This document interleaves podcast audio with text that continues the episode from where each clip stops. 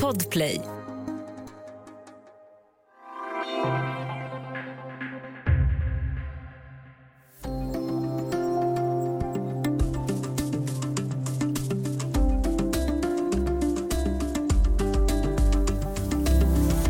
Att träna för att gå ner i vikt fungerar inte visar ny forskning. Du kan helt enkelt inte gymma bort kakan du åt vid trefikat.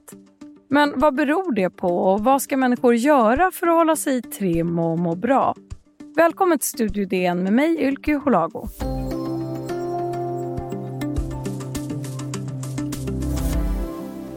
Och med mig idag har jag Sverker Lenas, reporter på Dagens Nyheter. Hej! Hej! Vi går in i en ny säsong, hösten. Det innebär ju för många att man tar tag i sin träning och vill uppfylla mål om att komma i form och kanske också gå ner i vikt. Men så kommer den här forskningen som alltså visar att träning inte funkar enbart i sig i alla fall för att gå ner i vikt. Varför är det så här?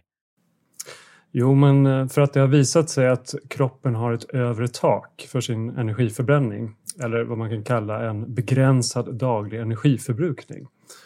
Och självklart är det så att om man går till gymmet och lyfter tunga saker en timme eller om man sticker ut och cyklar i tre timmar så kostar det en massa energi. Men träning är inte det enda kroppen gör av med energi på. Vi behöver också energi för att upprätthålla immunsystemet, för att svara på stress, för att läka skador och det reproduktiva systemet kräver energi. Och vad den här forskningen visar då är att alla de här funktionerna är lite av ett nollsummespel. Så om det går åt mer energi till träning så blir det mindre energi över till de andra funktionerna. Så totalt sett ökar förbränningen då inte över tid. Eh, man kan sträcka ut den här metabolismen eller förbränningen då eh, under en period som eh, en elitidrottare som i en intensiv träningsfas eller cyklister som kör Tour de France kan ju öka förbränningen jättemycket. Men sen töjs den tillbaka då till ursprungstillståndet eller normalnivån. Så kroppen själv reglerar på olika sätt? Ja, Uh, och det här är helt enkelt då ett sätt för kroppen att spara energi, vilket uh, har varit en överlevnadsfördel under större delen av mänsklighetens historia, när man inte kunde gå in på ICA och plocka på sig mer mat än man kan äta på en hel vecka utan en enda liten fysisk ansträngning. Evolutionsantropologen Herman Pontzer vid Duke University i USA ligger alltså bakom den här forskningen. Och då undrar jag, hur är studien utförd? Jo, han och hans eh, forskarteam då mätte första gången energiförbrukningen 2010 hos Hadza-folket i Tanzania. Det är ett av jordens sista jägar eh, och samlarfolk. Och han skriver om hur han då spenderar tid med dem och är ute och går med dem framförallt hela dagarna. För det här folket går oerhört mycket. Eh, de har en, eh, ett dagligt snitt av steg då på 19 000 för männen och 13 000 för kvinnorna. Och dessutom har de en hel del måttlig till hård fysisk ansträngning. Kvinnorna gräver efter rotsaker i jorden flera timmar varje dag, bara med spetsiga käppar i hård och stenig jord. Eh, och männen jagar då. Och det här innebär att de på en enda dag får lika mycket motion som en genomsnittlig västerlänning får på en vecka. Eh, så Herman Pontzer och hans forskarteam trodde ju att de skulle mäta en skyhögt eh, högre energiförbrukning än vad de då uppmätte hos Hadza-folket. Och vad undersökningen visade var att de gör av med precis lika mycket energi som europeer, amerikaner, ryssar och alla andra på jorden när man justerar för kroppsvikt eh, och så vidare. Kontorsarbetare, eh, tjänstemän, alltså folk som har stillasittande jobb också, som inte är ute och går eh, 10 000 plus steg om dagen. Ja, precis. Eh, både Hadza och en kontorsarbetare har en genomsnittlig då energiförbrukning på omkring 2500 till 3000 kilokalorier per dag. Sen är det så att en person som, har, som är större och har större muskelmassa självklart gör av med mer energi. Men det kompenserar man också för genom att äta mer. Hur skiljer sig de slutsatserna som Pontzer och hans team kom fram till från tidigare kunskap och allmän uppfattning om träning och mat och förbränning? Jo, men tidigare har många trott att man i princip kan träna bort effekterna av dålig kosthållning. Eh, eftersom utgångspunkten har varit att man ökar sin totala förbränning av att träna så har det varit lätt att tänka att eh, nu tar jag den här bullen och sen så tar jag väl trapporna istället för hissen sen när jag kommer hem. Eh, och vad Herman Ponser visar är att skillnaden i energiförbrukning mellan någon som tränar måttligt, vilket då alltså är ungefär enligt WHOs eller Folkhälsomyndighetens rekommendationer, och någon som inte tränar alls, den skillnaden är ungefär 200 kilokalorier. Och det är inte särskilt mycket, det motsvarar ungefär 10 Pringles eller två småkakor. Och dessutom är då skillnaden mellan någon som tränar måttligt och eh, någon som tränar extremt mycket eh, som elitidrottare, eh, den skillnaden är i stort sett obefintlig menar Panzer. Jag vet att du själv är dedikerad löpare och då undrar jag som löpare och journalist, vad reagerade du mest på när du satte dig in i den här forskningen? Ja, men två saker egentligen. För först tycker jag det är en ganska spännande förklaring av varför många, och inklusive jag själv, upplever att man mår bättre av att hålla sig aktiv. Eh, många tycker att träning är ett bra sätt att stressa av och det här kan ju lite förklara varför det kan vara så. Eh, eftersom det då, om det går åt mer energi till att till exempel vara ute och springa eller spela fotboll eller något så blir det mindre energi kvar till att till exempel svara på stressande saker i vardagen eller i jobbet eller så. Så att eh, man kan uppleva att man blir lugnare. Eh, och eh, det kan ju också ha med immunsystemet att göra eftersom eh, ett överaktivt immunsystem kan hänga ihop med olika autoimmuna problem till exempel menar Ponzo. Men det andra som är slående tycker jag är hur mycket oberättigad skam som genom åren har lagts på människor som har problem med vikten. Att vi har ständigt fått höra att om, man vill gå ner i vikt så måste man börja träna mer och röra på sig mer i vardagen. Och det har skapat en bild av att övervikt kanske skulle ha med lathet att göra när det i själva verket kanske inte alls förhåller sig på det sättet. Så eh, folk som har haft övervikt har inte bara behövt lida av den utan också kanske av ogrundade fördomar. Då. Det finns ju många olika förhållningssätt och trender när det gäller det här med mat och träning och räkna kalorier. Det är ju en gammal klassiker medan andra dieter idag förordar till exempel minskat kolhydratintag eller att äta mycket fett och så vidare. Var hamnar Pontzers forskning i den här idésfären som är väldigt bred och spretig? Han värjer sig lite då mot att ta ställning i det han kallar dietkrigen. Alltså motsättningen mellan till exempel de som förespråkar LCHF eller lågfettskost eller mellan de som tycker man ska äta mer grönsaker eller mer kött. Eh, vad Ponce säger är att det finns ingen som kan undkomma den här fysiska grundlagen att fler kalorier in än ut ger en viktuppgång. Då. Eh, men vad han säger är att man ska äta mer riktig mat som inte är processad oavsett om den maten sen är vegetarisk eller animalisk och oavsett om den innehåller mycket fett eller mycket kolhydrater. Så förenklat kan man säga att han förespråkar mat utan långa innehållsförteckningar.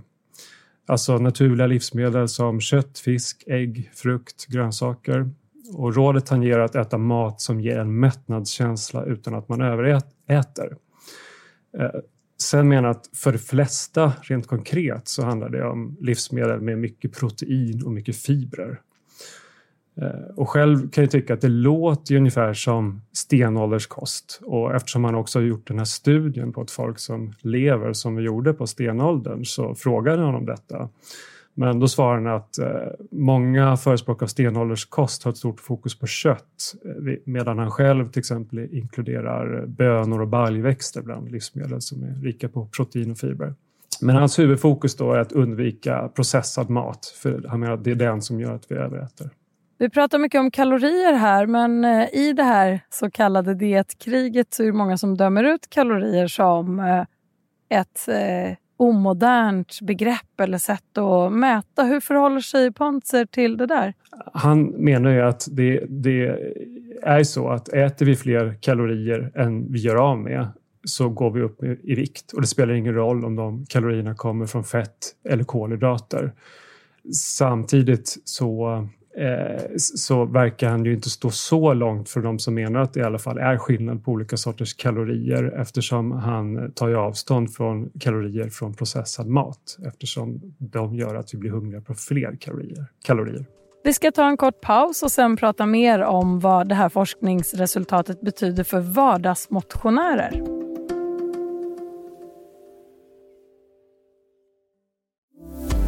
Du lyssnar på Studio DN där vi idag pratar om forskning som visar att enbart träning inte räcker om man vill gå ner i vikt.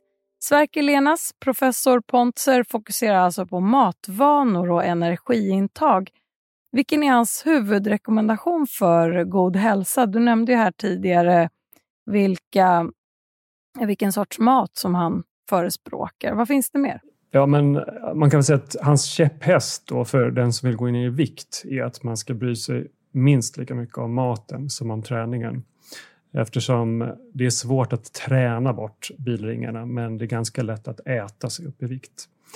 Eh, så ytterligare ett råd han ger när det gäller mat eh, är att laga maten hemma istället för att gå ut och äta så mycket och ta så mycket hämtmat. För det är oftast i den eh, typen av mat som det finns mycket tillsatser och mycket processade livsmedel. Medan om man köper råvaror utan innehållsförteckningar på affären och lagar till dem hemma så brukar det oftast bli ganska bra. Men det här är ju inte direkt någonting nytt. Det har vi väl hört sen eh, för oss som är i medelåldern, sen hemkunskapen höll jag på att säga. Vad, vad är det som är nytt i det här? Ja, det nya är väl just det här att eh, det är svårt att träna bort eh, effekterna av eh, dålig mat. Eh, medan man tidigare kanske tänkt att man kan unna sig en stor cola och en pizza efter fotbollsträningen bara för att man har varit så duktig så kommer Pontzer och tar ifrån oss det här nöjet då. Det leder oss osökt till min nästa fråga. Vad innebär Pontzers forskningsresultat för vardagsmotionärer? Ja, det innebär absolut inte att man ska sluta träna. Eh, för Pontzer säger att det sista han vill med boken, Burn, då, som han har skrivit, är att folk ska tro att träning är meningslöst. Eh, utan vardagsmotion är fortfarande livsviktigt, säger han, för hälsan, men bara inte av det skäl som vi hittills har trott det är fortfarande en massa funktioner i kroppen då som förbättras av träning. Eh, som till exempel immunförsvaret och, och kroppens stressnivåer och eh, inflammationsnivåerna i kroppen. Så eh, som vardagsmotionär ska man helt enkelt fortsätta träna enligt Herman Ponser. Och vilket stöd finns det för hans slutsatser i andra studier? Ja, men först har de gjort studien på Hadza-folket två gånger och med olika mätmetoder. Och sen har de även gjort studier på barn i folkgruppen Shuar i Ecuador och eh, på vuxna i Tsimané-folket i Bolivia som då bekräftar samma resultat. Sen finns det ju också andra studier sen tidigare på eh, folk som börjar motionera och hur, eh, hur det påverkar deras förbränning.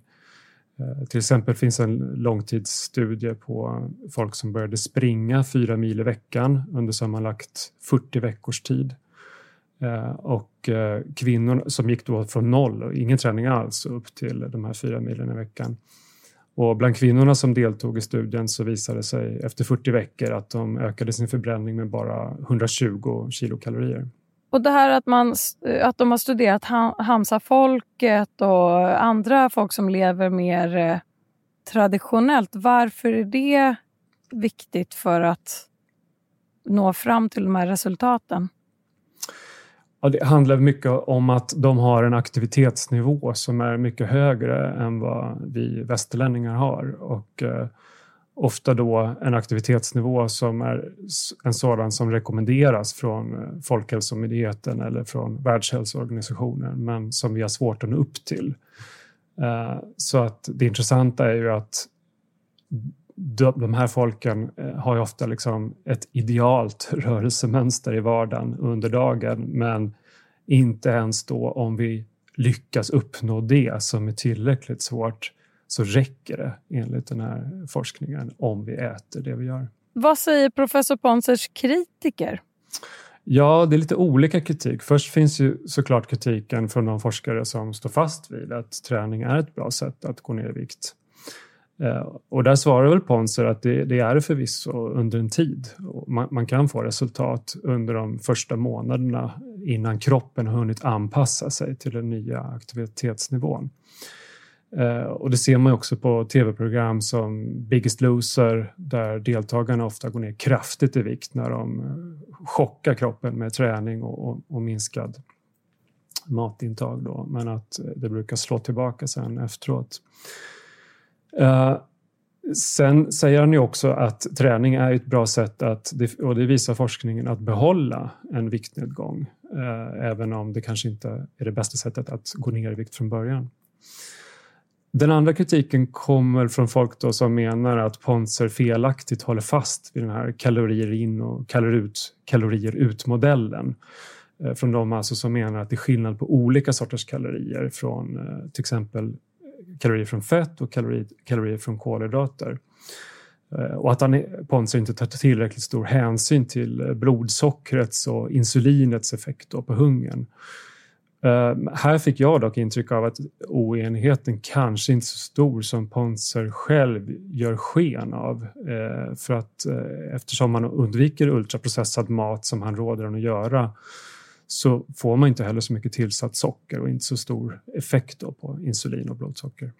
Du har ju intervjuat professor Pontzer och frågade honom då så här. Om träning inte är ett effektivt sätt att gå ner i vikt, hur kommer det sig då att människor som tränar regelbundet verkar ha mindre problem med övervikt än stillasittande personer? Vad svarade han? Jo, man svarar ungefär att visst finns det ett sånt mönster, en sån, ett sånt samband, men eh, att det inte är ett orsakssamband. Eh, han menar att det, det, är inte så att de här personerna har låg vikt för att de tränar mer, utan det är snarare så att de tränar för att de kan och för att de inte är överviktiga. Eh, han menar också att om man är väldigt stillasittande så påverkar det ändå hjärnans aptitreglering och mättnadskänsla så att då är det lätt att överäta.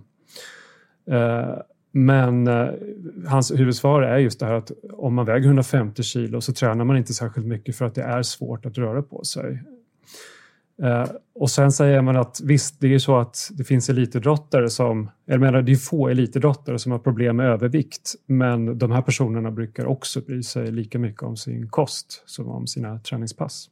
Så slutligen, hur tror du att Ponsers forskning kommer att påverka tränings och dietvärlden här framöver? Ja, men på individnivå kanske det gör att man inte lika un ofta unnar sig en pizza och en Coca-Cola på väg hem från Friskis och Svettis med tanken att det här är något som jag verkligen har förtjänat. Sen när det gäller reklam och marknadsföring från fitnessindustrin så kanske man skulle kunna tänka sig ett ökat fokus på att träningen säljs in som ett sätt att må bra snarare än att gå ner i vikt. Eh, jag kan också eh, tänka mig att vissa sponsoravtal mellan idrottstävlingar och läskedrycksföretag och sånt kan komma att ifrågasättas. Eh, men framförallt så tror jag, och det vore bra, att det kan få följden att den här fördomen om att överviktiga är lata och att det är därför man har övervikt, att den fördomen kommer att överges. Tack så mycket Sverker Lenas, reporter på Dagens Nyheter. Tack. Studio DN görs för Podplay av producent Sabina Marmulakai, ljudteknik Patrik Miesenberger, tekniker Oliver Bergman, Bauer Media och jag heter Ylky Holago.